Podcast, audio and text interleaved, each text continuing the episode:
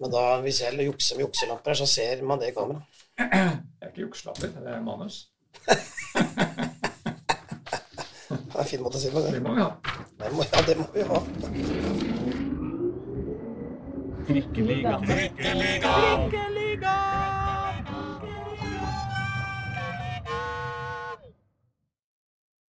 Mine damer og herrer og andre, velkommen til Trikkeligaen sesong 3, episode 55. Jeg heter Aslak Borgersrud, jeg har med meg Reidar Solli. Hei, hei. Og vi er inne på kontoret ditt i dag, Eilev Fagermo. Ja, Det er hyggelig, hyggelig det, da. Veldig koselig. Det er jul snart, vet du, så da må man bjuda på. Ja, det er bra. Går det bra? Har du en stressende adventstid?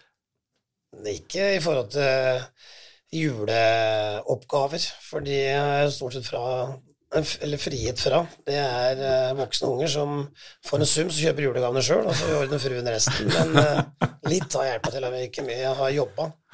Så det uh, Denne tida her, romjulstid, går til Vålerenga, den. Ja, det gjør det. Og noen familiemiddager og sånn, selvfølgelig. Det må vi ha. Du har vært ute og reist og greier? Jeg var ute forrige uke ja, på en studietur sammen med deler av trenerteamet for å hente impulser.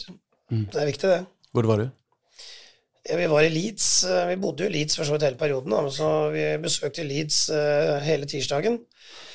A-laget og var med de, og hadde to middager med Kristoffer Claesson på kveldene, så det var litt ålreit. Så vi fikk jo litt mer inside fra ham.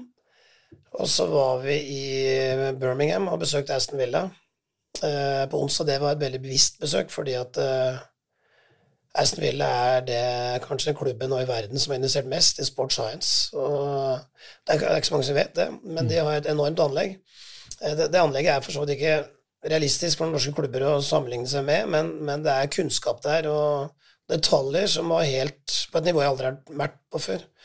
Og jeg har besøkt Dortmund, Chelsea, ja, Liverpool Jeg har besøkt veldig mange store klubber. så hvis det er noe som holder med Aston Villa, og jeg holder med Leeds, så må jeg si at Aston Villa kan komme som klubb hvis de greier å utnytte de fasilitetene og kunnskapen her, for det var helt, helt fantastisk. Hva, hva handler det om i en kort versjon? For det første handler det om at de har bygd et uh, treningsanlegg som ingen andre matcher, kanskje Manchester City, men veldig få eh, i verden, som er helt nymoderne uh, på alle mulige måter. Å fortelle mer om det, det tar for lang tid, men, Ja. men fasilitetene er ekstremt gode i forhold til de kravene da, som fotballen utvikler seg på. Eh, Så er det kunnskapen, flinke folk rett og slett, som er henta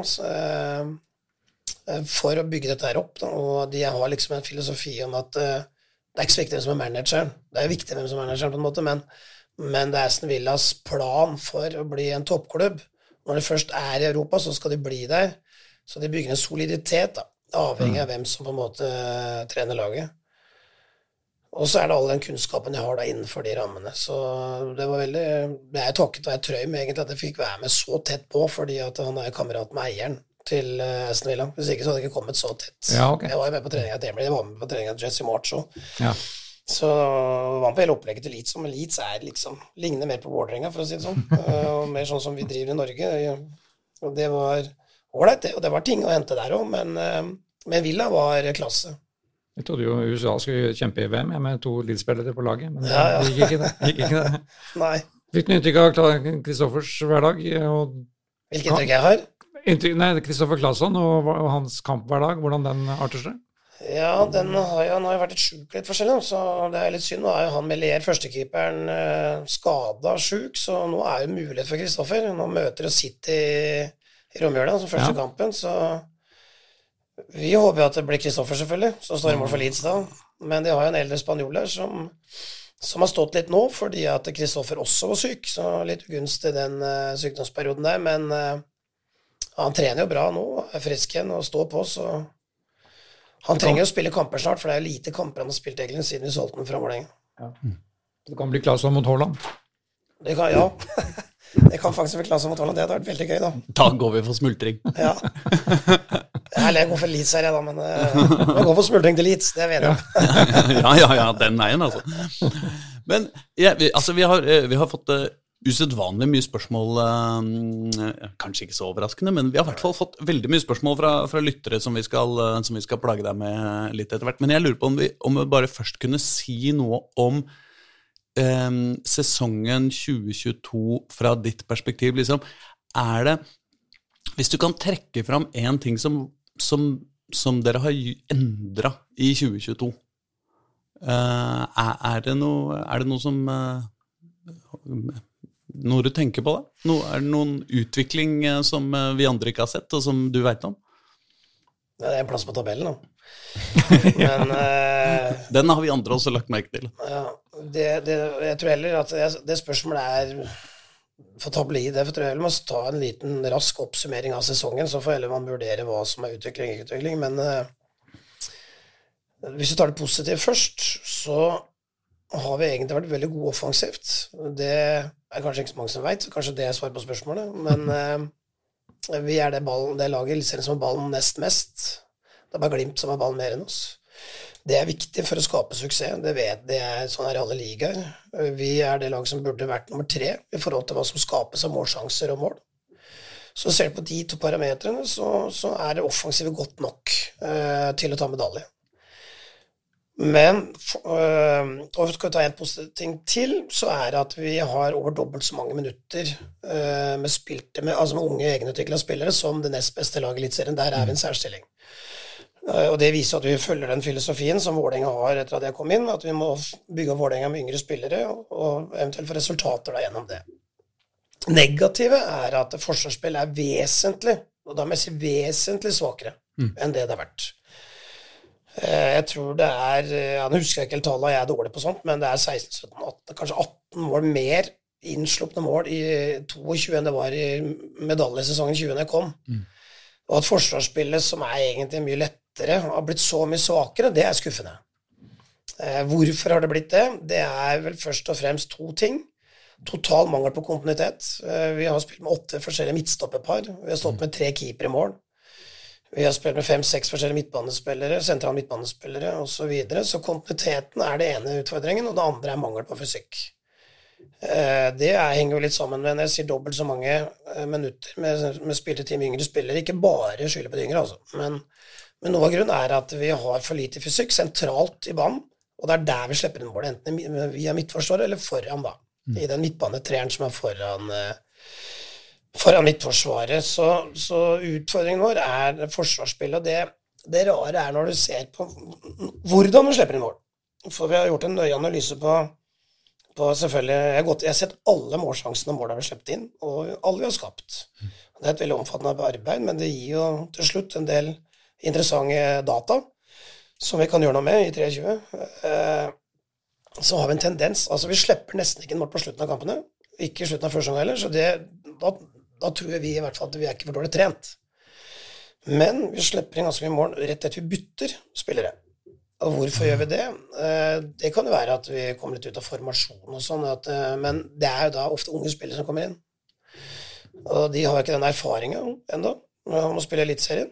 Eh, Og det kan òg være et aspekt, da. Så det med, med byttene og unge spillere inn, det med mangel på fysikk og mangel på kontinuitet, er hovedårsaken til at vi slipper inn så mye mål. og det, Vi, vi er et topplag offensivt, og så er vi mer eller mindre nesten et båndlag defensivt. og Da blir det nummer seks. Ja.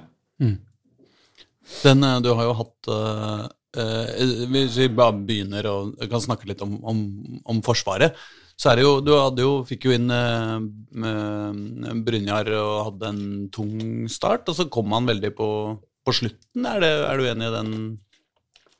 Ja, veldig enig i den.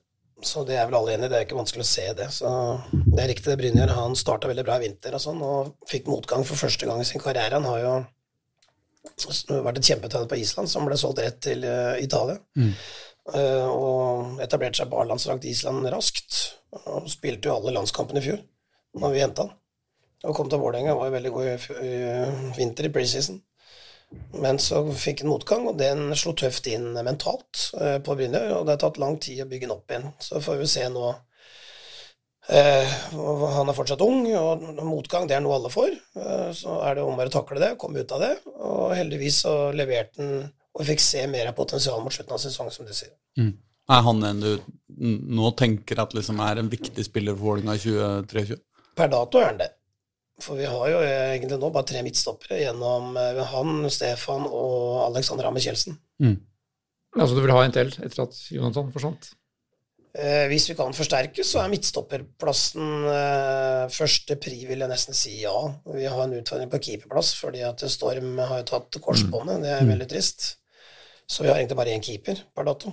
Og det går jo ikke, vi må ha tre. Så vi ser både etter en etablert annen keeper, som, eller førstekeeper den saks skyld, som kan utfordre Magnus. Og så ser vi etter en ung tredjekeeper, så der er en jobb å gjøre. Men midtforsvar er og ut ifra det jeg akkurat vært inne på, med innslupne mål, da, mm. forsvarsspillet, så er det ikke noe tvil om at det, eh, midtforsvaret og sentral midtbane trenger vi å løfte oss om vi greier det å gjøre det med å utvikle internt, eller forsterke oss, men det må vi. Hvis ikke så, så greier vi ikke å løfte det som er det største problemet, og det må vi skal vi opp på tabellen. Ja. Um, ja, nå stoppa. Det var, han, ja, det var Stefan han tenkte på. Ja. Uh, han betyr jo mye for uh, Altså, han, han, blir jo ankerfestet bak der. Ja. Uansett. ja, helt klart. Og det er han henta inn som. Ja. Eh, vi visste jo at Tollås nærma seg slutten, og vi trenger ledertyper når vi har så mange unge spillere. Jeg tror vi har 14 spillere i stallen nå som er under 21 år, og ja. det er ekstremt. og det, det er veldig spennende da, når vi gjør spillerstallen eh, både sånn forretningsmessig, så vil jo det Det er der penga ligger. Det er mm. vanskelig å selge en 30-åring for noe særlig penger. så så det er viktig for Vålerenga som klubb, men samtidig så blir det ikke resultater å spille med et rent underlag heller. Nei. Eh, den til keeperplassen du nevnte, nevnte, at dere må hanke noen. Det leide jo en Rossbakk i fjor. Det er ja. ikke snakk om å fortsette med det? Nei, ikke sånn det ser ut nå. Så, så går vi ikke for det. Nei, men da har dere faktisk et lite problem. Da, da må ja, du ha en tomann. Jeg tror vi skal greie å løse det, eh, men uh, vi jobber med det. da. Det er det som vi jobber med. Det er klart, Når vi begynner å trene nå, Jonner, så må vi ha, kan vi ikke ha én keeper. Vi, vi er eliteserie. Så vi tar nok med fort en ung eh, Det er flere unge landslagskeepere og sånn, så vi, kan, vi har en en som heter Isak, som har vært i Tottenham. Var i Kongsvinger høst. Han blir med oss på, på, til Marbella på prøve. Så det er ja. unge, liksom den vi vil ha tre keepere. Den har vi løst, i hvert fall foreløpig, ved at vi har muligheten til å se på han og se om uh, det er potensialet. Vi har jo nå fått en viss erfaring etter hvert, og kompetanse på å få fram keepere. Og Derfor så tiltrekker vi oss òg talentfulle keepere som, uh, som kontakter Vålerenga. Og hvis han da har stort potensial, så, så kan det fort hende han blir der og løst på en måte den utfordringa med Storm. Og så må vi ha en keeper sammen med Sjøeng der à la Sonne Rossbakk, som var ja. der, da. Så ja. det jobber vi med. Det er populært å komme til Gjermund? Populært å komme til Gjermund. Og ikke minst at de får spille her nå. Mange, vi har ikke, ja. ikke, vært redde for å stå med unge keepere i mål. Nei. Men Isak, han han har spilt for Kongsvinger? Eh, han har vært i Kongsvinger øst. Nå har jeg akkurat fått opp den casen så mye, det vet jeg ikke. Men, ja, okay. eh, men han kommer fra Tottenham-systemet. Okay. Ja. Og har vært av flere alle landskamper, da. Det, så får vi se om potensialet er stort nok til å kunne bli en Vålerenga-keeper. Jeg er litt nysgjerrig eh, på de analysene som du har gjort eh, etter sesongen. Altså, Det har jo vært så veldig berg-og-dal-bane-sesong. Har du funnet ut Eller hva, hva, hva, tenker du om hva som gjorde at det snudde når det snudde? Det er jo fordi at uh, det offensive slår inn, som jeg sa uh, når det kom til evalueringa, så har vi vært topplag. Det var vi. Når vi sleit veldig og lå helt i bunnen av tabellen omtrent, så var vi på expected goal, sånn, det som er oppå, Hvis du får, får noenlunde betalt i forhold til hva du fortjener, så skulle vi ligge på tredjeplass, og så ligger vi heller på mm. tolvte, eller hva det var. Mm. Og det går jo på mangel på effektivitet, f.eks. Det er jo en uh, kvalitet, det ja. òg. Vi hadde utfordringer framme med at vi, det ble mye bytting der og mangel på kontinuitet. Så, men spillemessig var vi gode nok, og så lenge vi ikke endra på det, så var vi trygge på at det kom til å snu, selv om omgivelsene var nok kanskje ikke det. Og det var Vålerenga, da er jo Vålerenga Vålerenga, selvfølgelig. Så når det da snudde, så, så kom selvtilliten i tillegg. Og da fikk vi betalt for det spillet som egentlig var like bra når vi starta sesongen dårlig. Så den første perioden som var veldig svak, den er egentlig svak defensivt, men ikke offensivt.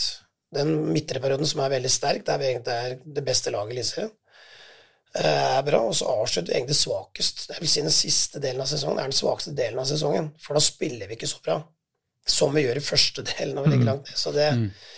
hvis man skal se mer grundig på det, da, så, så, så, er den siste delen Og da, da har vi skadeutfordringer. Og det viser jo at uh, vi er ikke gode nok når en del sentrale spillere blir borte, og da detter både forsvarsspill og angrepsspillet. Da bare skyte en kjapt et spørsmål som kommer fra en som heter Stian Ramstad, om nettopp den der, da, da det snudde. Eh, I år startet den gode perioden da du gikk over til lavere press. Er det, Nei, det er er det din konklusjon nå? Nei, Nei. det er feil. Ja. Det er sånn det kan se ut. Altså, vi hadde en god kamp hjemme her mot Glimt i cupen, og vi pressa litt lavere. Men, eh, men jeg skal innrømme det at eh, når vi kommer til forsvarsspillet, så har jo jeg, når jeg tok av Vålerenga første året, så trente jeg bare i Vålerenga. Jeg var kynisk og tenkte at nå skal best mulig resultater. Jeg satte riktig en del unggutter inn, som Claesson i mål, Christian Borchgrevink på høyrebekk, eh, integrert Osame osv. Så, videre, så jeg begynte å prøve å få inn en del yngre spillere med en gang, som var Vålerenga-spillere, på en måte, eller kom fra egen rekruttering. Men ellers så var jeg kynisk på resultat. Og vi spilte jo med kynisk fotball og tok medalje. Og forsvarsspillet var jo det som bringte medaljen inn. Det var ikke angrepsspillet egentlig da. Selv om det mange angrepsspill er ålreit, men det var ikke noe det var ikke noe medalje i angrepsspillet, men det var det jo forsvarsspillet. Og så ble det medalje. Mens de to siste åra så har jeg prøvd å jobbe med å utvikle spillet sånn at vi skal være gode offensivt og defensivt. Mm. Og da har forsvarsspillet blitt dårligere, i hvert fall i år. Ja. Så eh, vi er faktisk et av de lagene, det var i fjor, som er best i høyt press. Men i år har vi vært svakere i lavt press, så hvorfor skulle legge om da mer til lavt? Så det er, det er ikke riktig, men jeg tror nok, sånn som laget vårt er nå, at det skal være mer pragmatisk eh, neste år. At vi eh, ikke være sta med at kanskje kan gjøre noen mer taktiske grep defensivt da, for, for å vinne kampen, rett og slett. Mm. I stedet for bare å kjøre på at vi skal være Vålerenga, at dette skal vi greie med, med filosofien. Da, da, da skal du ha et lag som er så sterkt at du, du kan kjøre etter. Du ser Molde, de vinner suverent seriegull, men de presser jo lavt. Mm. De presser nesten ikke høyt. De ligger jo og lar motstanderen ballen mye, og det er, det er en grunn til at de ikke er i toppen når det kommer til possession. Så, men de greier å vinne seriegull på det. Ja. Du nevnte fysikk, eh, manglende fysikk. Eh, Ser du for deg Odin som eh, midtbaneanker?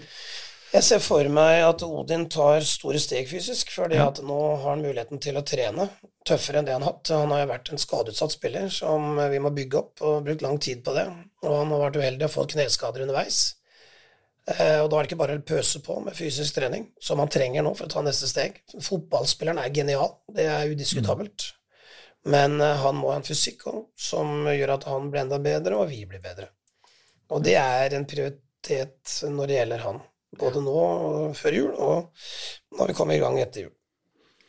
Så han får lov til å bare bøtte på med juleribbe og Ja, kan, Her skal det bygges. Ja, det kan dere.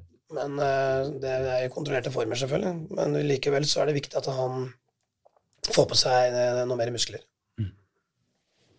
Jokke var veldig opptatt av, av sentrallinja i laget. Eh, at, at den må liksom være stabil. Og det er jo fra keeper til Stefan Odin og et angrep. Er, er, er det noe dere mangler der, bortsett fra den stopperen som du ser etter? da? Altså, hvis det er sånn at jeg, at hadde hatt penger og vet at vi kan gå ut og forsterke, så er det midtstopper, sentral midtbane, som er de to viktigste. Keeper Kabban får vi på plass. Eh, Så er det de to viktigste som vi ville brukt ressurser i. Så for foreløpig har vi bra framme. Vi, vi har mye midtbanespillere, for så vidt. Men eh, det kan nok hende det at en spiss som kan spille kant òg, ville vært neste steg. Ja.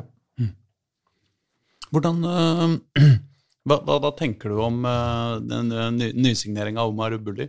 Vi Oslo-fotballentusiaster er jo selvfølgelig ekstremt uh, spent på det, på det kjøpet der. Ja, Hvor, men hvor, uh, hvor viktig blir han i 2023, liksom? Skal han, får han spille mye? Det er vanskelig å svare på nå. Det er helt avhengig av Han har en lang vei å gå fysisk. Og han har vært veldig altså han har vært skada lenge, så han har spilt lite i Grorud òg. Eh, men vi har hatt den inne. Han eh, trener hver dag nå her og har program osv. Så, videre, så eh, greier vi å holde han skadefri for å få en veldig god preseason, så, så tror jeg nok det at han er god nok til å spille allerede mye 23. Er han blir mer flanke, flankespiller? Ikke etter hans mening. Men han mener han er inneløper, og vi mener han er wing. Da, Ja, okay. flanke, men det, det, er ikke, det, det må vi finne litt ut av når han har trent litt mer med oss og ser litt på hva han kan hente opp av løpskraft, det fysiske osv. Han har jo det som er vanskeligst i fotball. Han er jo veldig god på det vanskeligste, ikke sant? og det er det X-faktor-opplegget. Der er han jo suveren. Men så er det å få kroppen stabil, skadefri, og litt som Odin, da. Men han minner jo litt om Osami i spillestilen, så, så får vi på plass det, så er Vi vurderte jo han, vi har jo sett på flere andre Oslo-talenter, og vi har kontroll på det markedet. Det bør Vålerenga ha òg. Og det er litt sånn kanskje Kristos og Feire i Haugesund, burde kanskje vært i Vålerenga, kanskje. Han gikk jo før min tid. Men uh, nå har jo han eh, Napoleon Romsås òg i Skeid. Og det er, det er, liksom sånn, det er ikke plass til alle i Vålerenga. Vi har jo noen sjøl òg, som er gode. Mm. Så vi vurderte Omar da, som den vi syntes var mest spennende. Og da jobba vi Få han hit, og det greide vi. Ja, for det har jo alle bestemte landslagsspillere nesten i alle årsklasser. Vi har 14 spillere som er på landslag. Ja. Og det er klart det Hvis vi går på evalueringen, så, så, vet vi at det gir oss utfordringer. Det, det, de er borte 40 til 50 døgn i året som de ikke er her og trener med oss. Det gjør at treningshverdagen vår blir tynnere når så mange spillere er borte. I tillegg så spiller mange av de annen divisjon. Eh, hvis jeg har sett på Lovden, altså gått inn og sett på hvor mye trener de yngste spillerne våre, de trener 15% mindre fordi at de er så mye på landslag og spiller andredivisjon, så kan du si de får bra kamper ennå der, og det er viktig. Men treningsmessig er det for dårlig. Der har vi en utfordring, både med de unge, men òg med de beste. Det er, det, er en, det er, et problem, faktisk, å ha så mange landslagsspillere i stallen. Uh, og ikke minst at du satser på annetlaget. Mm. Så er spørsmålet skal vi fortsette med det. Skal vi ikke? Det gjør jo ikke de foran oss på tabellen. Uh, ingen av dem gjør det. De Lillesund gjør ikke det, Rosenborg gjør ikke det, Glimt og Molde de gjør ikke det i hele tatt. Uh, men så er det noe her med at vi skal utvikle egne spillere, og da er Andersson en viktig kamparena, og det å ha landslagsspillere er viktig. Men treningsmessig for hele gruppa er det ikke godt nok. Nei. Men for da du kom, så sa du vel at stallen var for stor? Men ja, nå har du snudd? Og det burde jeg ikke sagt. men han var jo det kanskje da, av eldre spillere, så, ja, ja. så, var han det. Men, men sånn, da var jeg for så vidt stallen på over 30 mann, hvis du tar med alt som var utleid osv. Men eh, nå er den for liten. Så du har et poeng, Reidar. Eh, det er en gyllen middelvei der, da. Og nå er stallen litt liten og veldig ung. Ja, og det vil skje noe, skje noe med. Og... Vi har nesten ikke spillere mellom 25 og 30 år. Vi har noen over 30, men vi har nesten ingen mellom 25 eller fra 22 til 29, så er de omtrent ikke spillere. Nei. Og det er der ofte mange av de er på sin topp, ikke sant. I hvert fall fra 7-28 til 2-33. Så den evige optimismen rundt uh, Vålerenga, den, den slår aldri feil. Altså, det, det, er jo, det, er jo, denne tida som er best. Herfra fram til april. Alle optimister, og, og, alt går på skinner. Og, og Meran kunne da melde om dobling av sesongkortsalget allerede nå. Eh, så vil han ha en julegave, da. Blir det noen julegaver og presentere? Det blir kort tid nå? Av nye spillere? Ja, ja, nei, det tror jeg ikke. Nei. Det tror jeg ikke vi greier. Eh, ikke Nei, det tror jeg ikke. Vi har ingen på vei inn nå eh, på så kort tid. Hva er det du ønsker deg? Altså, det har jeg vel egentlig sagt. Vi, ja, må keep, vi, må få keeper på plass, det er viktig. Og så må vi, så må vi må, sånn som per dato, så er det ikke noen ressurser til å hente noen. Men eh, får vi det, så er det midtstopper og sentral midtbane vi har jobba mest med. Vi er godt forspent i backposisjonene nå. Vi er godt forspent på indreløperposisjon. Odin kan jo spille indreløper, ikke sant, og har stort potensial der. Mm. Eh, og vi har bra med kanter. Eh, litt tilbake til Omar. Kan Omar spille kant eller ikke? Det får vi se på, men, eh, men vi har det. Vi har jo eh, den, den, mest effektive spilleren vår hele avstanden vår, det er Jakob Dikke Han vil en vinter til. Du har jo Dalayoni, Ayoni, som er toppskåreren vår. Så på kampplass så har vi en Jones som kommer, og så har vi i tillegg eh, Omar, kanskje. Så vi har mye spennende der. Eh, og så har vi Torgeir, og har vi selv Henrik Udal. Eh, Torgeir og Siddi må, nok, må, nok bygge mer spiss av Siddi eh, nå, sånn som stallen var og slett til Henrik. Og så merker vi at Jokke har vært i Afrika en uke, og så skal han ned i januar. Det er vel en grunn til det? Ja, jeg tror han liker uh, jenter fra den uh, delen av verden. Det er mange flotte jenter der. Ja. Uh, jeg har i hvert fall ikke kommet noen spillere, så jeg fleiper, fleiper litt med det. Men det er bra han er krav, kravstor, det har vel ikke vært noen talenter som er gode nok. Så er det litt sånn at Afrika begynner å bli litt metta, så vi kanskje ikke tro det med så mange spillere, men, men når Norge kommer ned det har vi merka nå, så har allerede mange av de andre klubbene vært der. Okay. Og så har de plukka, eller hatt spillerne kanskje til Belgia eller Nederland eller andre sånn på prøve, og så er de ikke gode nok, og så kommer det en, og så kommer liksom Norge, Sverige og Danmark og ser på de, så, så, det er fort litt gjort nå at det er litt sånn andre- og tredjerangs talenter. Det er ikke like lett å finne en Fofana, eksempel, eller en Ejuke, mm, eller mm. som det har vært. De, de er jo ikke dumme i andre land heller, så de er tidlig ute og scouter og har helt andre skatingapparater og systemer enn det vi har her i Skandinavia. Ja. Men det kan godt hende at det finnes gull der ennå, det gjør det sikkert. Men det er en vanskeligere jobb enn det det har vært. Ja. Nei, Norge er ikke aleine på markedet, Nei. kan man si. Du har du noen spørsmål? Jeg har så mye spørsmål. Anonym Anonymesen eh, spør f.eks.: Nå som Tobias drar, betyr det at vi beholder Odin og Osame en stund til? Det, det kommer helt an på budene som kommer inn. Osama, har en utfordring med, for han arbeider gjennom å Mm. kontrakten. Så i utgangspunktet så tror jeg nok Osama blir solgt uh, i eh, det vinduet som kommer nå, i januar. Mm. Uh, Odin tror jeg altså det, er, det er interesse både Odin hele tiden, men Odin trenger nok å spille litt mer eliteserie, så jeg tror fort at Odin blir i hvert fall fram til sommeren. Men at du tror Osama blir solgt, det betyr at det er konkret, konkrete forespørsler på den? Ikke akkurat nå, men det kommer igjen. Det er verdt det. Det var jo det i august, og de, vi vet at de klubbene vi- Fordi det ligger der, så jeg tror det at uh, Jeg sier ikke at jeg garanterer det, jeg sier at jeg tror Ja. at uh, Osam blir solgt i det vinduet som kommer. Men har Tobias gått? Jeg har ikke helt fått med dette. Nei, men, han har ikke det. Nei, nei. Ok. Nei, Jeg bare likte at du bare aksepterte det premisset for spørsmålet, for det er vel fortsatt litt sånn på ryktestadiet. Sånn, Men det, har- det har ikke noe å si. Altså, om Tobias blir solgt, så har ikke det noe å si for Osame og Odin.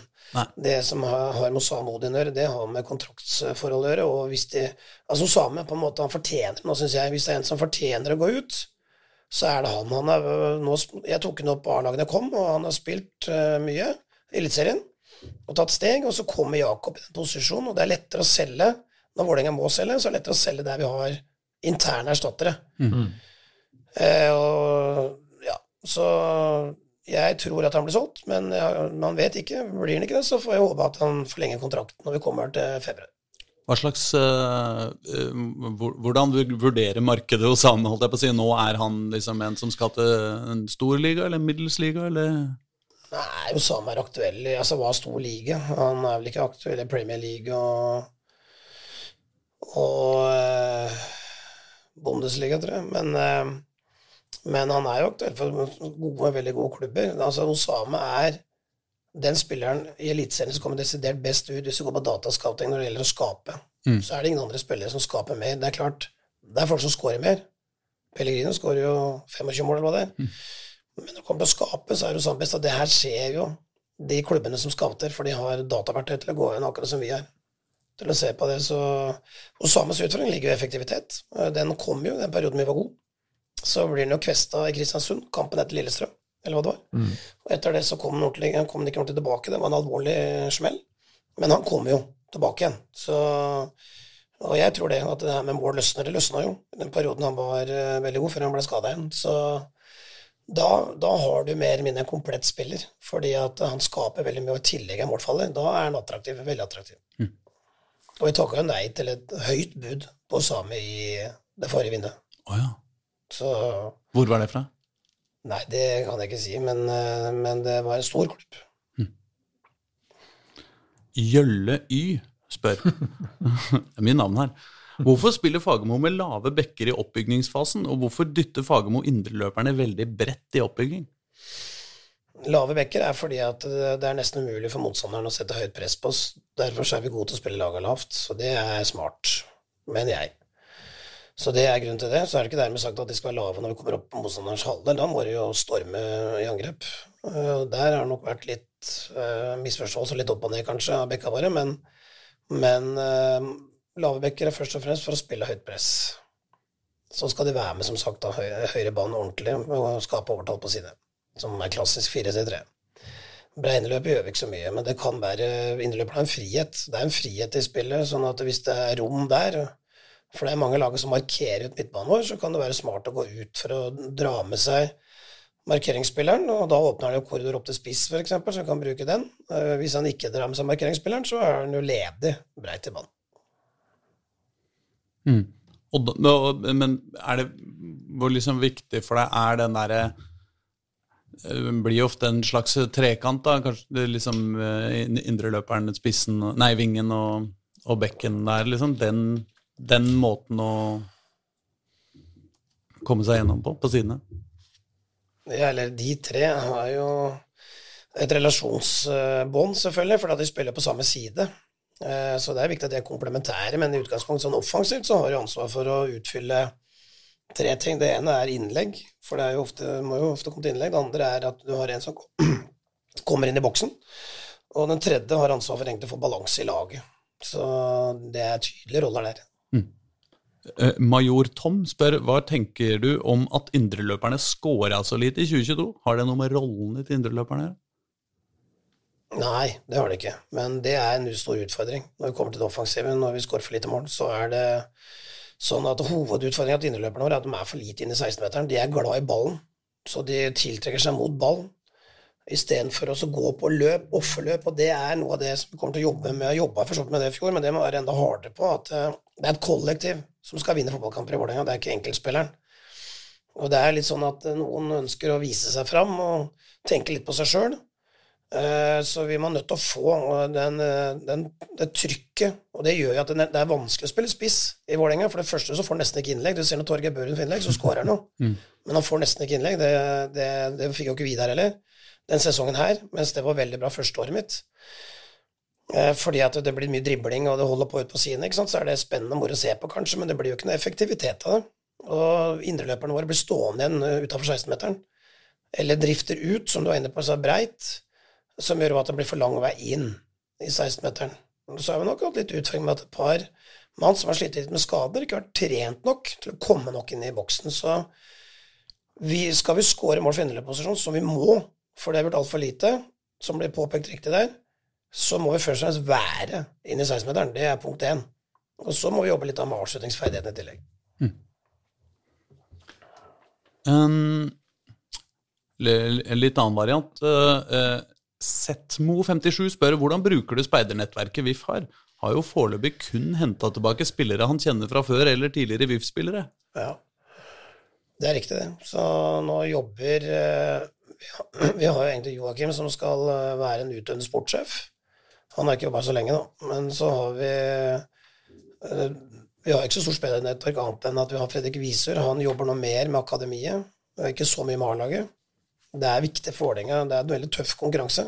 Eh, bransjen er kynisk, sånn at vi kan fort miste 12-13-åringer.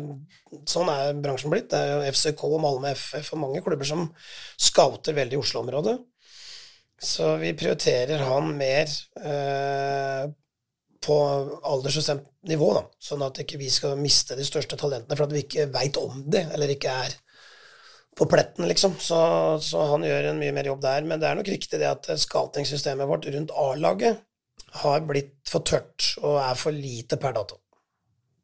Det er jo også litt morsomt hvordan, eh, hvordan det er veldig mye satsing på unge, unge spillere og talenter og, og videresalg og sånn, mens den spilleren som dere henta som kanskje har fått mest ros nå i 2022-sesongen og blitt kåra, eller i hvert fall vært helt som runner-up til liksom, årets spiller på Vålerenga, er, er jo på en måte den kanskje den minst uh, fancy kjøpet, da. Petter Strand. Ja. Så jeg mener, Det er litt sånn uh, rolig, trygt og greit uh, kjøp, og så viser han seg å levere, så ja. er jo ikke Han, han har vært bra. Ja, han har det. Og han har vært god i Brann og i Molde òg, så det er en god spiller. Mm. Og så kan du bruke litt flere posisjoner. Men Og han har den rette alderen og fantastisk kultur og sånn. Så en av han er litt han er rolig og beskjeden gutt, men han er ikke beskjeden på banen. Men han er en av de som vi må få mer inn i 16-meteren. Fordi at han, han har òg skåringspotensial, og det er det eneste han ikke har fått til i Vålerenga. Ellers har han vært god for oss. Du nevnte det tidligere, jeg vet ikke om det var et intervju eller en podkast, dette agentkjøret rundt dere. Ja. Eh, at det er større rundt Vålerenga enn en mange andre. Det er jo selvfølgelig med talentutviklingen å gjøre. Ja, jeg, jeg, altså, I hvert fall fra der jeg har vært før, så er det mye større. Jeg kan jo ikke svare for alle klubbene, men, men det som er vanskelig med agentene i dag, det er jo det at uh, de, det er tøff konkurranse mellom agentene òg. Og hvis agentene skal på en måte beholde spillerne sine, så må de på en måte gjøre spillerne veldig fornøyd enhver tid. Da. Og det merker jeg at her blir det dyrere. Her er det våre spill som vi på en måte har fått frem, og sånn, og så skal vi plutselig sitte og møte med agenter for å reforhandle, og, og, så blir de spillerne dyre. Uh, og det er ganske tøft for en klubb som Vålerenga, som satser så mye på det, og, så, og som ikke har så mye ressurser, så går jo ressursene med til å, til å reforhandle med våre egne. Mm. Det overraska meg veldig, og det er fordi at uh, kan ta et eksempel at Hvis du har en spiller i dag som du kan selge for 15 millioner kroner En agent har en spiller som, som vi, da. La oss si at du selger en spiller for 15 millioner kroner. Så tjener fort agenten 3-4 millioner på det salget. Så mye penger er involvert for en agent. Og hvis den agenten mister den spilleren til en annen agent, så har du tapt de 3-4 millioner kronene. Og hva vil en agent gjøre da? Jo, da vil han gjøre alt han kan for at den spilleren blir hos han. Og hvis han får til en veldig god kontrakt f.eks. For, for sin spiller, så blir jo agenten, så blir jo ofte spilleren der. Så den mekanismen er ganske enkel å forstå, den. Den er, eh, den er markedsrelatert. Men det gjør at det blir dyrere. Og her er det sånn at her har jo agent før du kommer i puberteten og har spilt på B-lag eller annet lag til guttelag, så er du agent i Vålerenga, så Det er det så ille? Ja, det er eller ille, vet ikke. Hvis du spør agentene, så er det ikke det ille, da, men, hvis, men det, det, er jo lettere, vet du, for mange av agentene bor i Oslo, ja. så det er veldig lett å være på oss, ikke sant? Så tolvåringer har agenter? Ja, Det vet jeg ikke om hele tolvåringen, men det, det, det, ser jeg ikke bort ifra. Det ser jeg ikke bort ifra, Men at det er veldig mange yngre spillere som er agenter, ja. Og det er der agentene jobber, helt nede i det sjiktet der. Og de har en, som sagt en tøff intern kant i, og da blir klubba ofte pressa på mm. betingelser for at de skal please sine spillere. Ja, det er riktig. Marius Haaland spør hvor tungt var det å komme bak Odd? Det har ikke noe å si for meg, fordi at jeg har uh, gjort det så bra med i mange år at uh, det har ikke noe prestisje i forhold til det, jeg. Men uh, jeg ville mest mulig opp på tabellen, så jeg ville heller blitt nummer fem enn nummer seks. Mm. Og at vi da greier å lage det straffespark mot Molde der når vi må spille en bra kamp. Mm. Det hører du, så hadde vi blitt nummer fem. Så er det bedre enn nummer seks. Men prestisjemessig så er det ingen prestisje. Ja, men Er det ikke litt sånn følelsesmessig, de gamle, gamle gjengen som du er på? Hva slags festival? Vi snakka om en sånn festival du hadde nei, det, forrige gang her. Men svaret er nei. Nei. du, om, du, tenker på Fleksnesfestivalen? Jeg tenkte på Fleksnesfestivalen. Jeg tenkte, er det ikke hyggeligere å komme til Fleksnesfestivalen ja, hvis du har Ja, men da har ikke hatt det nå, for det er pandemi. Ah. Ja. Nå kunne vi hatt den nå for så vidt i høst, men uh, det er jeg som står med hele regien, og det har jeg ikke hatt tid til. For at uh, jeg har en veldig stor ambisjon om å få til Vålerenga, og det er, jeg innrømmer det er vanskeligere enn jeg trodde. Derfor så har jeg prioritert å jobbe her, så jeg har ikke vært hjemme og fått ta tak i den. Det, det er litt synd, for det er egentlig en veldig moro, moro arrangement. Det er noe helt annet, kan man si. Ja, det er noe helt annet. Hvem behov for? Men da hadde jeg bytta ut selvfølgelig en del av Odd-gjengen med Vålerenga-folk, så det hadde ikke vært noe problem. Det er jeg som bestemmer hvem som kommer. Eller blir invitert. Men apropos rivaler, det er en som heter Jørstein Andreassen. Han anser du Lillestrøm som et topplag i 2023? Jeg tror Altså, Molde og Bodø-Glimt de blir topplag i 2023. Det kan vi si nå. Eh, de andre lagene er vanskelig før man vet hva som skjer på overgangsmarkedet, hva slags spillerstaller som eh, på en måte eh, hver enkelt dag har da, når vi nærmer oss seriestart. Så det, det tror jeg ikke vil svare på, for det, det, tror jeg er et riktig svar. Det sier der. Mm. Det er såpass tett og jevnt. Men de har såpass mye ressurser, de to første jeg sa, og de har såpass sterke staller at det skal mye til at de går på noen smeller. Så det er vi andre under som må utfordre de for vår del så, blir det, så, er det jo litt sånn Det som er kanskje fordelen vår eh, kontra eh, lag foran oss, det er det at vi har sju-åtte mann oss som vi må forvente tar steg. Mm. Ikke sant? Sjøeng mm. må ta steg. Brynjar må ta steg. Odin må ta steg. Risnes, Henrik Bjørdal, Osame, Jakob, Siddi altså Vi har mange unge. Noen av de her, om, om ikke alle greier det, så må noen av de fem-seks Hvis de løfter seg, så blir Vålerenga klart bedre. Og Det er en fordel med at vi har satsa på disse nå. At de begynner å få mer kontinuitet da, og mer erfaring fra, fra å trene med eliteserielag og spille eliteseriefotball. Ja. Hva tenker du på om, eller hva tenker du om den liksom, køen av, av, av, de unge, sånn, hvis du ser liksom, på de som i utgangspunktet ikke er i, i førsteelveren? Så har du jo hatt altså Siddi har jo fått være med en, en stund, og så i år så kom Dikko og Risnes og så vidt Jones. Åssen liksom ser den uh, hvem, er, hvem, av dem er det du tror kommer til å være først å etablere seg da, på, liksom fast på A-laget, f.eks.? Av de som er unge nå, så det er vanskelig å si akkurat nå. Jeg var inne på de gutta som har sånn delvis etablert seg. De, de kan etablere seg mer, som jeg akkurat var inne på. Og de som ikke har spilt så mye, så har vi jo kanskje Europas største stoppertalent i Alexander Hamme Kjeldsen, så det er en mm. spiller som som bør eh, forhåpentligvis ta så store steg i vinter at han, eh, han kan spille allerede en del eliteseriefotball eh, i kommende sesong. Det er klart Når du blir kåret til beste spilleren i landslagsturnering med England, Portugal, Nederland Altså de største fotballnasjonene er best, så, så er du god. Så har jeg alltid håp på Magnus Risnes. Han har jo mål i seg. Vi prata i stad om at vi skårer for lite mål fra midtbanen. At han kan ta et steg som at han kan spille med og kanskje tilføre det. Han gjør det i annen divisjon. Så hvorfor skulle han ikke greid Eliteserien? Det er klart det er knepp opp, men likevel. Ja, så det er vel først og fremst det. Så de andre de føler jeg har spilt såpass mye at de må enten bli bedre for å spille mer, eller så vil andre gå forbi dem. Mm. Er det noen av disse du vurderer for, eller dere da, vurderer å, å, å låne ut, eller eh? Låne ut kommer jeg ikke til å gjøre med noen, fordi Nei. det har ingen poeng for Vålerenga. Hadde vi ikke hatt annetlaget, så hadde utlånet kunne vært et poeng. Og hadde vi hatt en veldig stor stall, så kunne kanskje utlån vært et poeng. Men eh, sånn som stallen er nå, Eh, med andredivisjon og, og serie og cup osv., så, videre, så kommer vi, å, kommer ikke til å låne ut noen. da. Enten så blir det salg, mm. eller så blir det værvålinga. Mm. Men alle disse spillere er, er, er, er, spillere du egentlig tenker at uh, på et tidspunkt skal etablere seg, eller? Ja, det, det, men altså, med, med, når det er så mange unge spill, så er det alltid noen som ikke greier det. Noen mm. står i veien for hverandre òg. Eh, så da kan det være riktig at uh, de får sjansen et annet sted.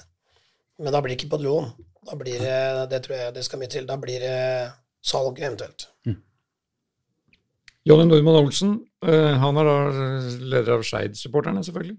Ja. Ikke noe Skeid-spørsmål, men ja eller nei til VAR. Det altså VAR kom jo, og dere har jo klubb, som klubb sagt ja. ja. Jeg skal ned på VAR-senteret som nå bygges opp på Holbergs plass i begynnelsen av januar. Så det blir jo spennende. Ja. Men um, VAR i VM, syns du det ser bedre ut? ja. måten det fungerer på. Ja, nå så ikke jeg så mye VM, da, for jeg er litt på den boikotteren, men jeg måtte se det jeg måtte se som fotballmann, uh, føler jeg. Så jeg så jo finalen. Uh, jeg så faktisk ingen av semifinalene. Ok. Du var på boikottspor, ja? Ja, jeg syns jo ikke det Qatar-greiene er noe Nei ålreit, så jeg så ikke. Men jeg, jeg så noe fordi at jeg ville se fotballfaglig. Det er jobben min litt. da. Ja. Jeg føler litt ansvar for å se noe sånn at uh, det er utviklingstrekk og det er taktiske ting osv. som en trener bør se på. Så jeg, jeg, skal ikke si at jeg ikke sa VM, for det gjorde jeg. Men uh, jeg så kanskje 30 da, hvis jeg skal ta sånn røffelig.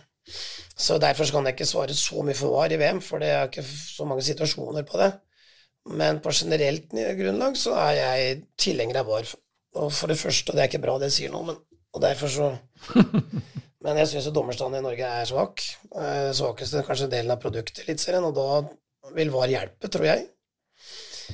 Og det andre er det at vi må følge med utviklingen. Altså enkelte ting eh, Jeg hadde jo en diskusjon med, med våre unge, tøffe supportere, Ultras, som jeg syns er veldig bra, som slåss for fotballens idé, selvfølgelig. Og hadde vi ikke, ikke vært for supporterne, så hadde det sannsynligvis kommet superliga, som hadde vært krise for fotballen. Så det er, supporterne er viktige, og mange av de er veldig mot VAR. Mm. Men uh, jeg tror nok det at uh, den utviklingen kommer ikke utenom, da. Og enkelte områder må vi følge med utviklingen for å være en del av fotballproduktet. Og derfor er jeg tilhenger av VAR. Ja. Av de to grunnene, egentlig. Det mest påfallende, på, påfallende VM, egentlig, sånn uh, om spillets struktur, var all tilleggstida som, skal, som skulle legges til.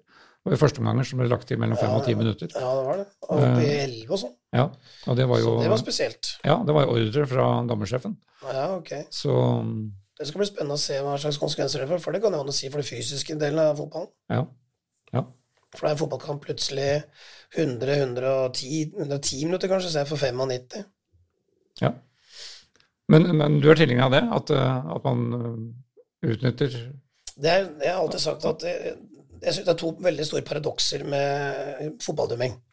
Det ene er det at hvis det ene laget drøyer tida hele tiden, for du møter et lag som er bedre enn deg, og greier det, for at det er mm. taktisk smart hele tiden, og så greier vi, da, la oss si at det er vi som er det førende laget, å score i det 90. minutt, endelig, selv om det andre laget er bare trenert, så legger dommeren mye til, så de får egentlig en sjanse. De mm. får igjen for at de er trenert. Så får, legger kanskje dommeren til sju minutter fordi de er trenert, som egentlig er riktig hvis det hadde vært 0-0. Men når vi først har scora, så får de en sjanse fordi at den er Den syns jeg er paradoksal. Det er det ene. Og det andre er det at eh, hvis du Hvis jeg går opp en duell med deg, Reidar, og så kjører jeg en albue i ansiktet på deg, så må du ut og sy. Jeg får gult kort, for det er farlig takling, ikke sant? Mm. Så må du ut og sy mens jeg får spille videre. Ja. Så det vil si at det blir 11 mot 10 en periode, for det tar litt tid å sy en sånn skade. Og da har vi fordelen av å være én mer. For, altså, vi har en fordel av at jeg skader deg, og så kan vi skåre. Når jeg får gult kort for en sånn forseelse, så mener jeg at da burde jeg stå på sida sammen med deg Ja. og vente at du var klar, så spilte ti mot ti. Det hadde vært fair play. Ja. Men sånn er ikke regelverket. Og jeg har opplevd det sjøl at vi skåra mot Brann en gang når Petter Kovacs eh, Jeg tror det var Bjørnar Holmvik den gangen. Som fikk en albue, og han Bjørn var ute og sy, og vi skåra og spilte 11 mot 10 mot Brann. Ikke sant? Det er urettferdig, vet du. Det er jo det. Men det er vanskelig å gjøre til regel òg, da. Jo, men ikke hvis det er gult kort. Jeg sier Hvis det ikke er gult kort, er jeg enig med deg. Da er det vanskelig, for da er det skjønn. Da er det umulig. Men hvis det er gult kort, så kan du gjøre det til en regel. Så det, det der er to paradokser, syns jeg, da, med dømminga.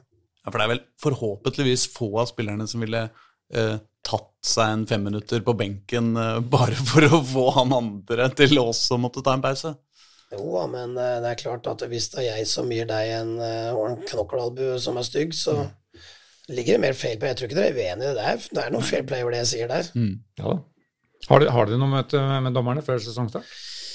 I år hadde vi bare video. Okay. Det, det, er- du, du, vi må det. Ja. Og det er egentlig veldig bra, det. altså. Der det går gjennom regelen nytt, og det går gjennom situasjoner fra året før og sånn. Men Mm. i år hadde de spilt inn en video som, som vi kunne se, da. Istedenfor å ha det fysisk med de. Så Må jo ha dialog. Det er jo bedre. ja, må ha dialog, men det er ikke så enkelt, det. Nei. Så dere fikk ikke spille inn hva dere mente, liksom? Det ble en enveis? Nei, det får ikke, nei, det var det ikke. Det var en skrytevideo, syns jeg. Altså, det, Der du sitter 'Der var du god', og 'se hvor riktig du dømte der', og Jeg liker jo ikke den mangelen på ydmykhet, men det er klart, jeg Jeg har jo vært Jeg husker jeg hadde en episode litt morsom episode nede på La Manga for noen år siden, der eh, dommerne trente, eliteseriedommerne trente eh, på banen ved siden av der vi trente. Og så kom jeg gående, vi skulle starte trening, så sto alle spillerne og ventet på meg ved det ene hjørnet. Og så drev dommerne og løp fram og tilbake, både linjedommerne og hoveddommerne i Eliteserien. Knallhard løpstrening. Og så akkurat når jeg kom, så er de ferdige, så de hviler i det hjørnet ved siden av spillerne mine. Så jeg gikk jo rett på alle dommerne ved siden av spillerne, så sier jeg høyt, for jeg syns jeg må fleipe litt, ikke sant, så sier jeg høyt at Hvorfor løper dere? Det er jo spilleforståelse dere mangler, sier jeg, ikke sant. Og da lo spillerne mine, da, men ingen av dommerne lo, ikke sant. Men så fikk jeg ikke en straffe, jeg tror ikke laget fikk en straffe på tre år etterpå heller, så det Så jeg skal være litt forsiktig med å si jo, det er klart det er jo dommere som er gode og sånn. Jeg syns det er mer typen jeg nå. Vi mangler typer. altså Det er for mange dommere som er sure. De må jo være glade og glede seg og ha litt smil. altså Det er, det er jo to subjektive lag som møtes der, som skal slåss og konkurrere. Dommeren er jo objektiv. Og da må du forstå litt at det er følelser inne i bildet, og de typene der er det for få av nå. Som kan akseptere at det er mennesker som, som vil, vil vinne. Eh, det, den typen savner vi. eh, Den, den syns jeg det er for få av i Eliteserien. Da- Time, husker du han? Ja, han var fantastisk på det. Ja. Han, jo Det er han jeg tenker på når du sier sånn. Ja, altså, det har vært mange. Rune Pedersen var jo helt fantastisk. Han var utrolig god dommer og så hadde den glimtet hele tida. Du avvæpner så mye på det. Ja. Mens i dag har du mer den der uh, harde korreksen liksom, som kommer uh, Per Ivar Staberg var en sånn dommer. Mm. Det er for mye korreks i dag. Du vil egentlig ha profiler? Dommerprofiler? Ja, det er ikke noe dårlig. Det er godt sagt, det. For dem litt humor og glede så blir det fort en profil. I hvert fall når det er dommer. Um, Magnus Are, vi, vi, vi begynner, å, begynner å nærme oss nå, men jeg skulle bare slengt inn den. Magnus Are spør hvilke faglige kunnskaper bringer Jan Frode Nordnes til Vålerengas trenerteam, som vi ikke hadde i 2022? Uh, det er jo flere. Men eh, det er jo først og fremst eh, Han har jo vært uten meg i tre år og vært hovedtrener i to av de. Og han prøvde å fornye Odd en del etter meg, så det er jo eh, i seg selv eh, positivt, for da kan det jo være en ny ting der, for min del òg. Men så er det òg det at trenerteamet til Vålerenga har vært for lite. Og i hvert fall nå når vi har så mange unge spillere, så, altså, vi greier ikke å følge det godt nok opp.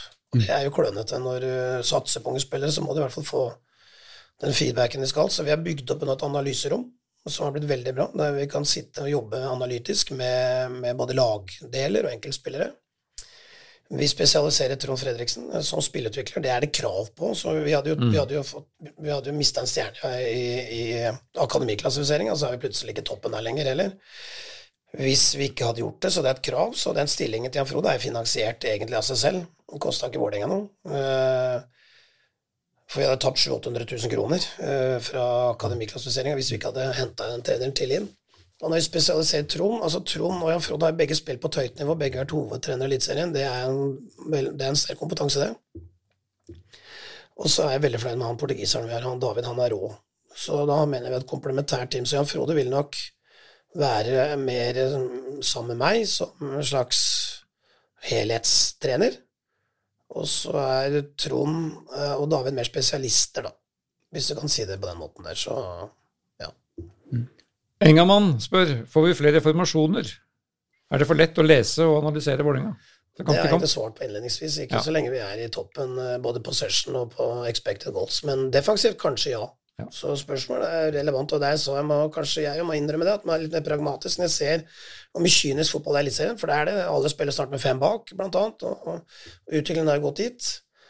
Eh, så må kanskje vi jo prøve det litt på slutten. I Haugesund lå vi jo med en femmer, vi, og vi slapp jo til lite mot en ganske vanskelig bortemotstander. Det var et uh, utrolig skudd fra Bruno Leite bare som gikk i mål. Hvis ikke så hadde vi vunnet. Ja. Så jeg skal innrømme det at uh, vi kommer til å se litt på det gjennom preseason, for den er lang. Uh, og trene litt på kanskje å ha annen formasjon eller to. defensivt. Offensivt så blir det det samme 4-3-3. Mm. Ja. Men hva, ja, er det 5-3-2, eller hva? Nei, det tror jeg ikke. Det kan være 5-4-1, og det kan være en annen måte å forsvare oss lavere på. Hvis, uh, Istedenfor 4-5-1, da, mm. så kan vi kanskje ligge i 4-3, men ligge litt annerledes. Så det, da er ikke formasjon Det er samme formasjon, på en måte, det er bare at du ligger litt høye med vingene. Mm. Så det er litt sånne taktiske ting vi skal se litt på. Mm. Løke spør var Udal en god deal med HamKam? Det var en god del for Vålerenga. For hvis du ser på hva vi betalte og hva vi fikk, så, så var det jo en veldig god del økonomisk. Okay. Eh, men eh, sportslig så tror jeg òg det er riktig. Altså Henrik han, han prøvde jo her i to år nå, og han er en fantastisk type på kultur og sånn. Men han er nok best i tospann, tror jeg, istedenfor å spille aleine som spiss. Og det ser jo på Hvis du ser på analysene, så, så er Henrik, selv om mange av supporterne tror, eller noen av supporterne tror kanskje det, men han han er lite effektiv egentlig som spiss i 4-3-3, eh, og han har slitt litt i duellspillet. Det er ikke det, det som er styrken hans. Han er egentlig en sånn inn i 16-meteren målsnik. Og med to spisser så tror jeg Henrik kan gjøre det bra. Så jeg tror altså, HamKam, eller i hvert fall en klubb med to spisser, er smart for hans del. Eh, så lenge vi spiller med én, så, er det, så er det, må det på en måte være mer target man. Da. Det, er liksom, det er kravet for å spille, og det har vist seg i Vålerenga at det, det, er ikke der han er best. Nei. Så har du noe helt annet. Du har kjøpt deg de fire første regnbueskjerfene uh, fra sjappa, er det sant? Ja. Det er et nytt, nytt grep fra supporterne. Dette, dette, er bra. Ja, altså, altså Vålerenga, det er vel det Som jeg sa i stad, Vålerenga er nok vanskeligere enn jeg trodde da jeg kom.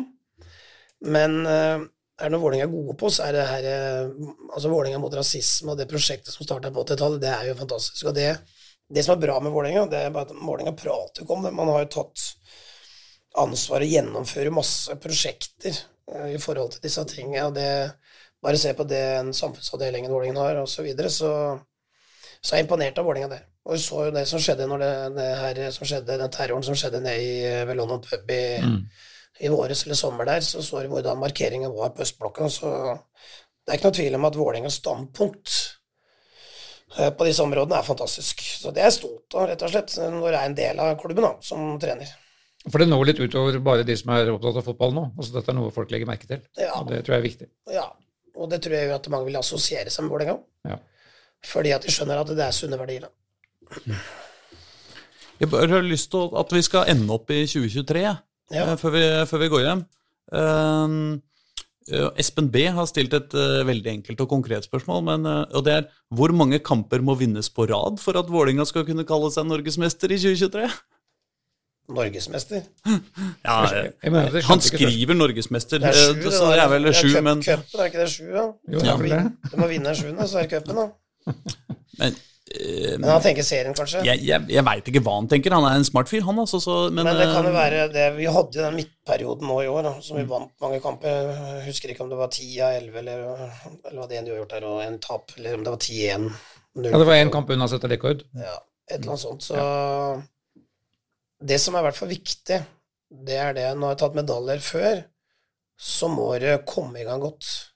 Mm. Jeg tror i 16 jeg tok medalje, så så slapp jeg ikke en mål de åtte første kampene. Nesten åtte kamper. Mm.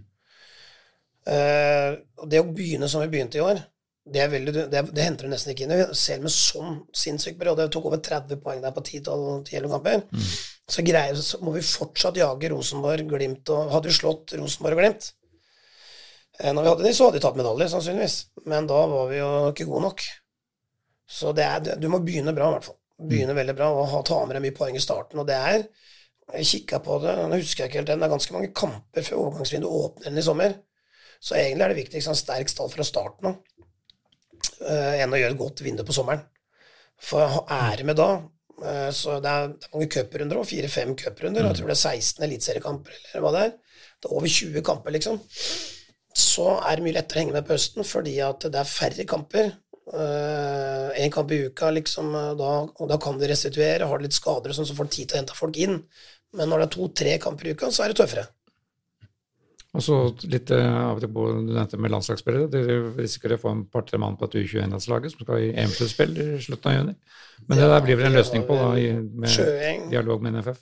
Odin, Osame, Tobias Hvis han er her, da. Ja. Siddi var jeg med nå sist. Ja. Så vi har mange vi som aktuelle for det laget der. Ja. Og det er jo Hvis det blir sånn at de forlanger at de skal spille eliteseriekamp, og dem ikke skal være med da blir det bråk. Da blir det, blir bråk. Det, det, kan ikke straffe oss for at vi er landslagsspiller. Nei. Men hva kan vi håpe på?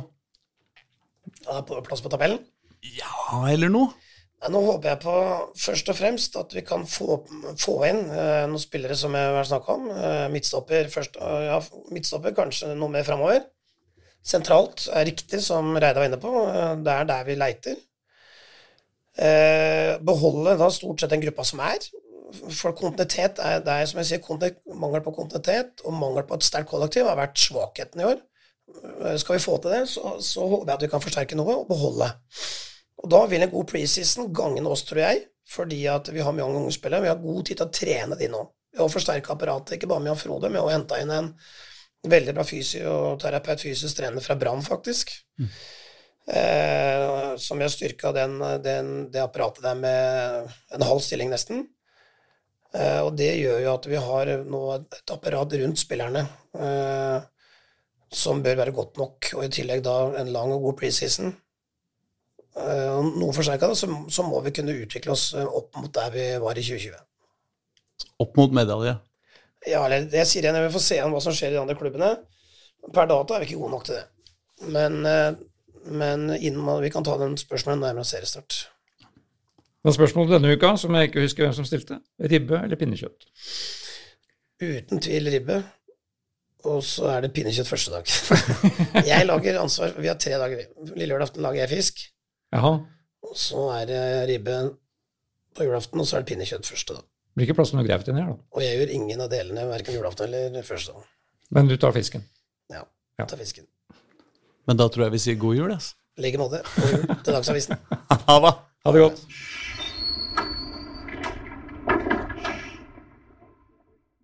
Du har hørt en podkast fra Dagsavisen. Ansvarlig redaktør heter Andreas Heen Haaland Karlsen.